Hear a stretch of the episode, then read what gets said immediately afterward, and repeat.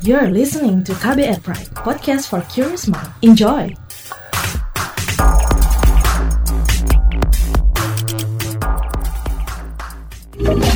Kamu lagi dengerin What's Trending KBR Pagi. KBR Pagi siaran pagi radio paling update. Selamat pagi. Apa kabar Anda? Hari ini di hari Selasa 2 Juni 2020, kembali saya Don Brady menemani pagi hari Anda di What's Trending KBR Pagi yang seperti biasa akan menghadirkan segala sesuatunya yang lagi ramai diperbincangkan, yang lagi hits, yang lagi viral, ya kan? Well, by the way, saya masih siaran dari rumah ya, jadi um, pengen nanya gimana long weekendnya kemarin? sama aja kayak hari-hari biasa karena harus di rumah saja ya sama ya kan karena kita tahu dari uh, Sabtu, Minggu dan kemarin itu tanggal 1 Juni kita libur ya kan tanggal merah karena kita memperingati hari lahir Pancasila. Nah, dalam peringatannya Presiden Joko Widodo pun mengingatkan bahwa dasar negara Pancasila dapat menguatkan dan mempersatukan kita untuk mengarungi masa-masa sulit karena pandemi global. Menurut Jokowi, dengan berpegang teguh Pancasila, masyarakat bergotong royong bersama keluarga dari berbagai tantangan dan kesulitan. Kita simak cuplikan pidato Presiden di hari lahir Pancasila berikut ini. Tidak henti-hentinya, saya mengajak seluruh penyelenggara negara dari pusat sampai ke daerah untuk terus meneguhkan keberpihakan kita kepada masyarakat yang sedang mengalami kesulitan untuk melayani masyarakat tanpa membeda-bedakan kelompok, ras, dan agama, serta untuk memenuhi kewajiban kita melindungi segenap bangsa dan seluruh tumpah darah Indonesia. Saya juga mengajak seluruh elemen bangsa di mana pun berada, dari Sabang sampai Merauke, dari Miangas sampai Pulau Rote, untuk terus memperkokoh tali persatuan dan persaudaraan, saling membantu, saling menolong, dan saling bergotong royong serta selalu optimis bahwa bangsa kita adalah bangsa pemenang dalam menghadapi setiap tantangan yang menghadang. Nah, sementara itu menurut motivator yang merupakan penyintas COVID-19 Tung Desem Waringin, Pancasila ini merupakan pilar untuk Indonesia. Pilar yang menjadikan bangsa Indonesia kuat khususnya yang menghadapi pandemi saat ini, ya kan? Sedangkan setara institut mengapresiasi nilai-nilai Pancasila yang telah dipraktikkan masyarakat di tengah pandemi seperti sikap uh, gotong royong dan kepedulian sosial. Tapi sayangnya, Wakil Ketua Setara Institut Bonarti Gornai Pospos masih menyoroti sikap intoleransi di media sosial yang belum menunjukkan adanya perubahan positif. nah ini yang akan kita obrolin pagi ini bagaimana toleransi saat minim interaksi. Sebelum kita lanjutkan, kita simak dulu seperti apa keriuhan netizen plus 62 di media sosial soal ini. Ini dia. Pertama, akun @mustakim1508 bilang, katanya hari ini hari Pancasila. Katanya Pancasila itu ada lima, yang salah satunya Persatuan Indonesia. Bagaimana Indonesia bisa menyatu sedangkan intoleransi tingkat tinggi masih menyumbui benak-benak anak bangsa? Ras diagung-agungkan yang menganggap sukunya benar. Sedangkan akun @g101 bilang kita jaga intoleransi dan kebinekaan. Akun @macan1962 bilang kita harus membuat benteng kuat untuk para intoleransi bermain. Akun @ahmaddianips bilang selamat hari Pancasila Bapak Presiden dari kami orang desa yang selalu setia menjaga dan merawat Pancasila. Akun @markus_ts1 bilang salam Pancasila damai sejahtera bebas pandemi jayalah Indonesiaku Tuhan Tuhan memberkati Indonesia. Akun @indoprimary bilang, "Selamat hari lahir Pancasila. Semoga ideologi Pancasila dipegang teguh oleh kita semua sebagai pemerintah, aparat penegak hukum, dan rakyat. Mari bergandengan tangan menuju perdamaian abadi." Nah, kalau akun @she underscore bilang, "Selamat hari lahir Pancasila. Momennya pas niche. Jadi kapan mau cabut SKB 2 Menteri Pak Jokowi? Atau menurut Bapak Pak, itu surat sudah sangat Pancasila sekali.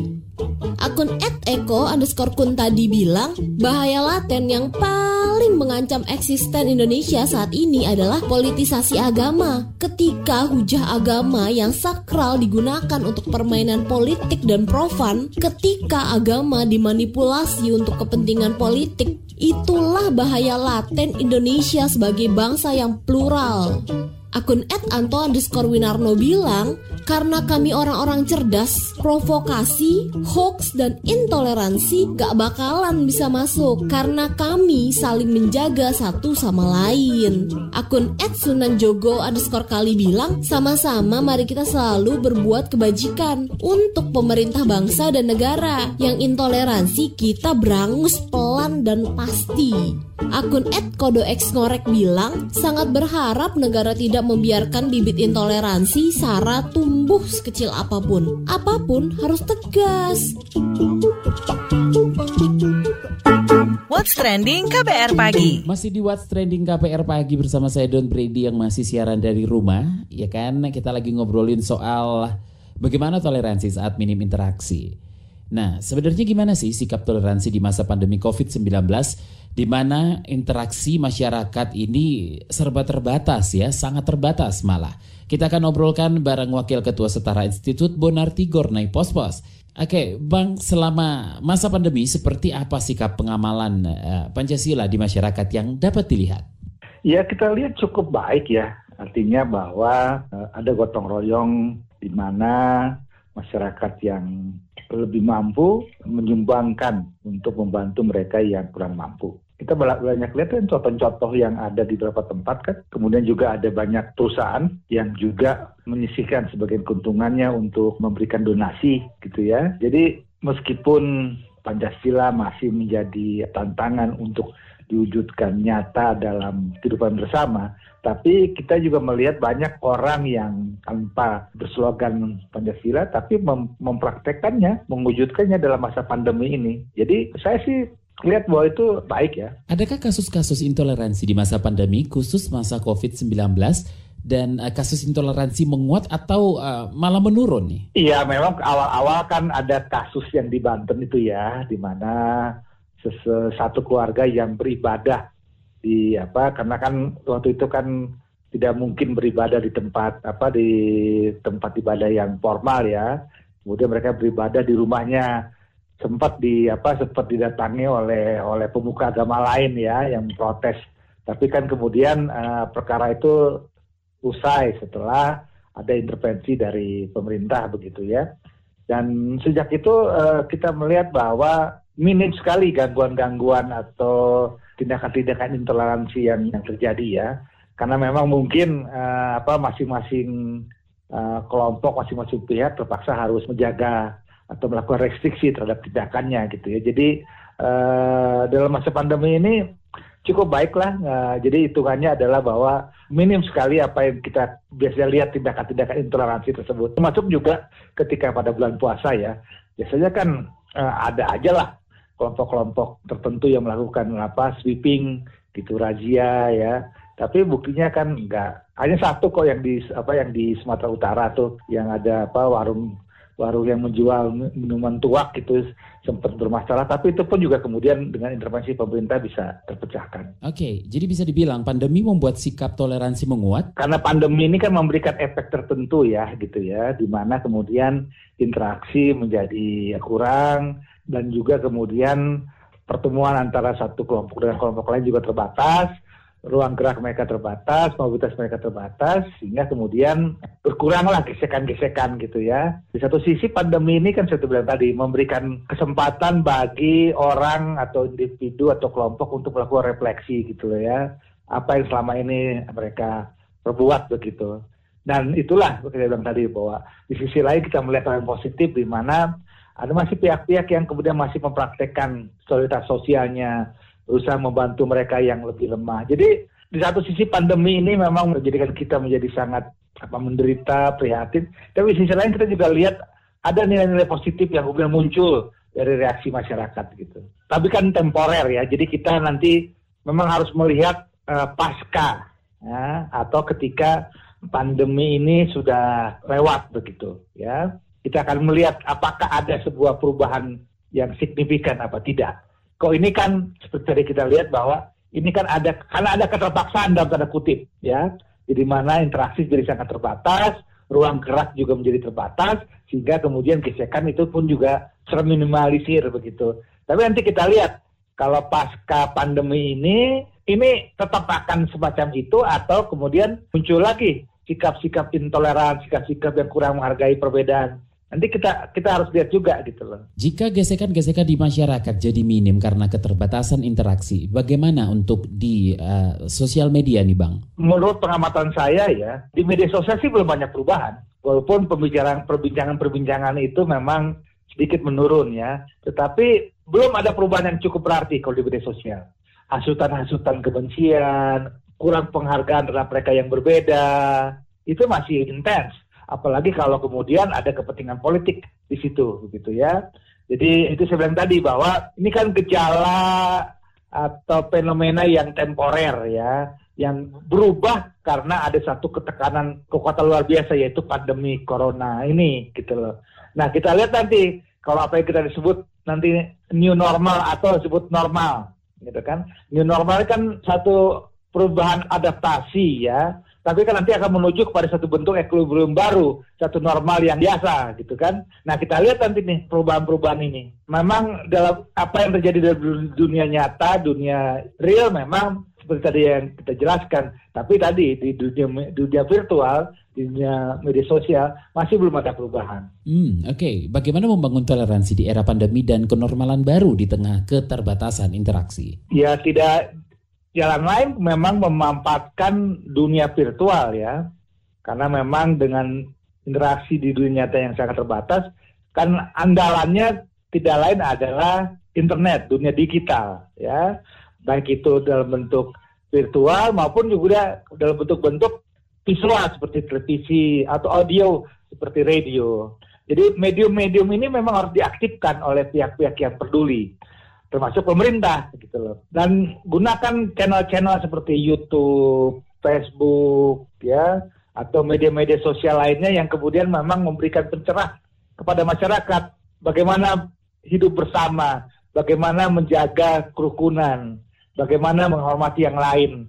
Jadi medium-medium itu berguna bagi pencerahan masyarakat. Apalagi kan sasarannya kan kelompok-kelompok muda yang kita kenal sebagai milenial kan yang memang mereka sangat akrab, sangat intim dengan media sosial ini gitu loh. Ini adalah sasaran utama kita gitu loh. Walaupun mungkin juga tetap mereka yang lebih senior juga harus digapai, uh, harus disentuh juga. Tapi kan mediumnya kan berbeda gitu. Jadi itu bilang tadi bahwa memang kreativitas untuk bersentuhan dengan berinteraksi dengan masyarakat atau individu sangat dipentingkan dan pemerintah tidak bisa hanya menggunakan pola-pola lama yang bersifat instruksional, apalagi melalui birokrasi dan sebagainya. Harus harus ada perubahan paradigma juga dalam pemerintah untuk bagaimana berinteraksi dengan masyarakat. Baik, terima kasih. Dan nanti kita akan ngobrol dengan Ketua Umum PGRI Unifa Roshidi soal kenormalan baru di dunia pendidikan. Jangan ke mana-mana, tetap di What's Trending KBR Pagi. What's Trending KBR Pagi. Selamat pagi buat Anda yang baru saja mendengarkan What's Trending KBR Pagi. Ya, apa pun kegiatan Anda hari ini mudah-mudahan semuanya berjalan dengan lancar yang dilakukan atau yang dikerjakan di rumah saja ataupun harus terpaksa keluar rumah gitu ya. Semuanya harus berjalan dengan lancar dan jangan lupa untuk selalu mematuhi protokol kesehatan. Nah, seperti apa sih nilai-nilai Pancasila yang relevan diimplementasikan di era pandemi ini? Kita akan simak penuturan motivator Tung Desem yang menjadi penyintas COVID-19. Ini dia. Dalam ulang tahun Pancasila ini, yang kelahiran Pancasila ini, dan keyakinan kita bahwa kita tidak boleh fokus kepada diri kita sendiri. Jadi keadilan sosial bagi seluruh rakyat Indonesia, waktu saya sakit, saya fokusnya ke mana? Saya fokus kepada satu membantu orang lain. Ketika saya nonton betapa sedihnya orang-orang yang harus di rumah sakit, saya merasa bukan begini ya, aparat medik itu harus pakai APD, ternyata APD harus pakai yang namanya kantong kresek, kantong begini, aduh sedih. Dan ketika saya fokus membantu orang lain, nyemangatin orang lain, nyemangatin sesama yang sakit, bahkan nyemangatin dokternya, nyemangatin susternya, bahkan cari sumbangan bagaimana untuk menyumbang, padahal masih di dalam rumah sakit, saya fokusnya bukan hanya pada diri sendiri, tapi fokus membantu orang lain. Keadilan sosial bagi seluruh rakyat Indonesia, termasuk sopir ojol seperti apa, orang-orang yang miskin seperti apa, bagaimana membantu memberikan something yang kita bisa berikan, fokusnya tidak kepada kita.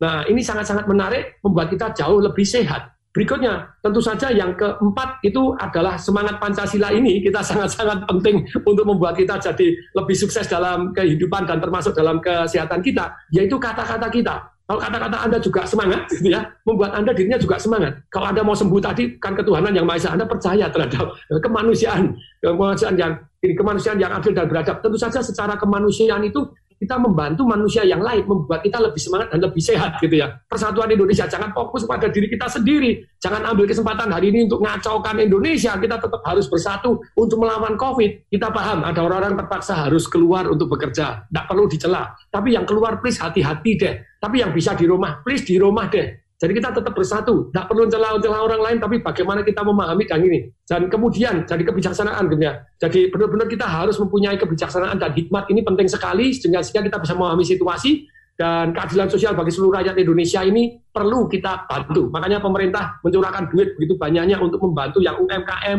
yang rakyat kecil, ya harus kita manfaatkan. Kalau Anda tidak bisa makan, jangan ngerampok, jangan jarah. Telepon Kemensos saja dibantu kok gitu ya. Dan kita saling membantu. Ini penting sekali. Fokus untuk membantu orang lain membuat kita jauh lebih semangat dan lebih sehat gitu ya. Nah, The Indonesian Institute Center for Public Policy Research berharap seharusnya new normal itu dapat dijadikan momentum untuk secara serius mengamalkan nilai-nilai Pancasila di tata kehidupan baru masyarakat. Salah satu contoh belum diamalkannya nilai-nilai Pancasila terlihat dengan masih adanya persoalan intoleransi khususnya dalam kebebasan beribadah dan berkeyakinan.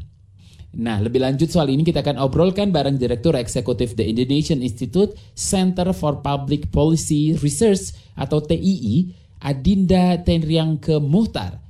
Oke, Mbak Adinda, apa catatan Anda soal peringatan Hari Lahir Pancasila di saat pandemi ini? Terutama kalau dari kita sih, uh, ya tentunya secara umum tidak hanya menjadikan Pancasila sebagai jargon ya dasar negara. Tentu ada hal-hal yang lebih prinsipil. Uh, Hari Lahir Pancasila seharusnya dijadikan sebagai momen untuk refleksi gitu sejauh mana sih kita sudah mengenal, memahami, uh, dan menerapkan Pancasila dalam kehidupan sehari-hari gitu. Jadi refleksinya seperti apa uh, Pancasila dalam kehidupan bermasyarakat, berbangsa dan bernegara. Dan kalau yang kita tahu kan sebenarnya yang saat ini cukup meresahkan sebenarnya juga salah satunya adalah masalah intoleransi. Sementara ya kalau kita lihat Pancasila dengan nilai-nilainya gitu kemanusiaan yang adil dan beradab, keadilan sosial, persatuan, uh, rasanya ya kita masih masih perlu menilik kembali gitu. Sejauh mana sih benar-benar kita terapkan Pancasila gitu. Karena ketika kita masih uh, menghadapi kasus-kasus seperti penutupan rumah ibadah atau konflik karena ada penganut agama tertentu yang mendirikan rumah ibadah lalu dilawan oleh masyarakat sekitar uh, itu merupakan ya hal-hal yang sebenarnya menjadi catatan kritis terhadap pengejawantahan Pancasila dalam uh, kehidupan sehari-hari juga gitu. Uh, itu sebenarnya catatan yang yang utama ya gitu. Uh, selain tentunya uh, ada hal lain gitu, misalnya ketika bagaimana uh, seharusnya di tengah pandemi ini ya solidaritas kita sebagai bangsa itu harusnya uh, lebih solid gitu. Uh, apalagi kita kalau kita melihat ya Pancasila misalnya sila ketiga Persatuan Indonesia, kita punya kemanusiaan yang adil dan beradab di sila kedua. Uh, dan saya pikir setidaknya kalau dari pengamatan kami ya selain ada upaya dari negara dan pemerintah, tapi ada juga solidaritas uh, dari masyarakat seperti itu. Tapi memang intoleransi adalah salah satu isu yang cukup serius gitu ketika kita berbicara soal Pancasila ada di mana, uh, Pancasila is apa sih kita. Nah, seperti apa mestinya pengalaman Pancasila di masa pandemi dan era new normal nanti? Apa yang masih jadi PR pemerintah nih? Buat kami hal-hal yang paling penting adalah pentingnya untuk mengkaji kembali peraturan-peraturan yang diskriminatif gitu, yang punya potensi intoleran. Uh, eh, PR besarnya tentu di dunia pendidikan. Yang saya maksud pendidikan di sini bukan hanya pendidikan formal di sekolah online, tapi juga di lingkungan sekitar, khususnya di keluarga, untuk menunjukkan bahwa Pancasila itu sangat menjunjung tinggi keberagaman gitu, keberagaman, kesetaraan, keadilan. Dan saya pikir justru di sini kita tidak hanya berhenti di Pancasila, tapi kita juga punya semboyan Bhinneka Tunggal Ika. Jadi bukan hal-hal yang baru juga, tapi lebih ke bagaimana selanjutnya gitu kita memahami dan uh, menerapkan Pancasila dan ya simbol itu gitu loh slogan Bhinneka Tunggal Ika dalam kehidupan kita sehari-hari. Perbedaan uh, pendapat gitu. Kadang-kadang kita sadar nih dengan reformasi yang sudah 22 tahun ternyata kita harus mengakui bahwa perbedaan pendapat tidak mudah untuk dihadapi dengan santai gitu. Dalam artian akhirnya bisa berujung ITE berujung pidana. Padahal sebenarnya bukan itu yang kita inginkan Uh, dan ada sila keempat gitu, yang intinya berdasarkan deliberasi ya kalau ada perbedaan ya itu bagian dari dinamika diskursus yang ada sehingga kalau kita memang ingin menerapkan Pancasila secara utuh misalnya setidaknya dari poin itu kita juga perlu belajar untuk menghargai perbedaan pendapat bahkan mungkin hal-hal yang seperti ini perlu diinternalisasi ya. Artinya bukan hanya di aturan tertulis tapi paling tidak dengan uh, role model yang ada dengan pendidikan yang ada serta good best best practices yang ada individu maupun masyarakat juga menyadari bahwa Pancasila bukan hanya yang dihafal bukan hanya dasar negara tapi sesuatu yang memang innate gitu uh, sesuatu yang mengakar yang menjadi bagian dari kehidupan ketiga. Last but not least Pancasila juga tentu menjunjung tinggi penegakan hukum kita adalah negara hukum dan itu disebutkan di konstitusi kita sehingga catatan lain adalah kita harus menjunjung tinggi hak asasi manusia, kebebasan individu, penegakan hukum dan HAM yang tidak diskriminatif gitu, baik terhadap kelompok atau individu gitu. Tapi di sisi lain, penegakan hukum itu harus tegas kepada siapa pun gitu yang intoleran. Baik, terima kasih Ketua Umum PGRI Unifah Roshidi. What's trending KBR pagi? Oke, okay, keliling Indonesia sudah, terus juga tadi ngobrol-ngobrol dengan eh, para narasumber juga sudah ngobrolin soal bagaimana toleransi saat minim interaksi ya.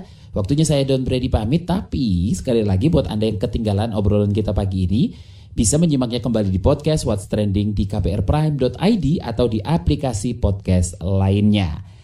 I gotta go now ya, dan jangan lupa untuk tetap uh, jaga kesehatan ya kan dan ya, bye-bye.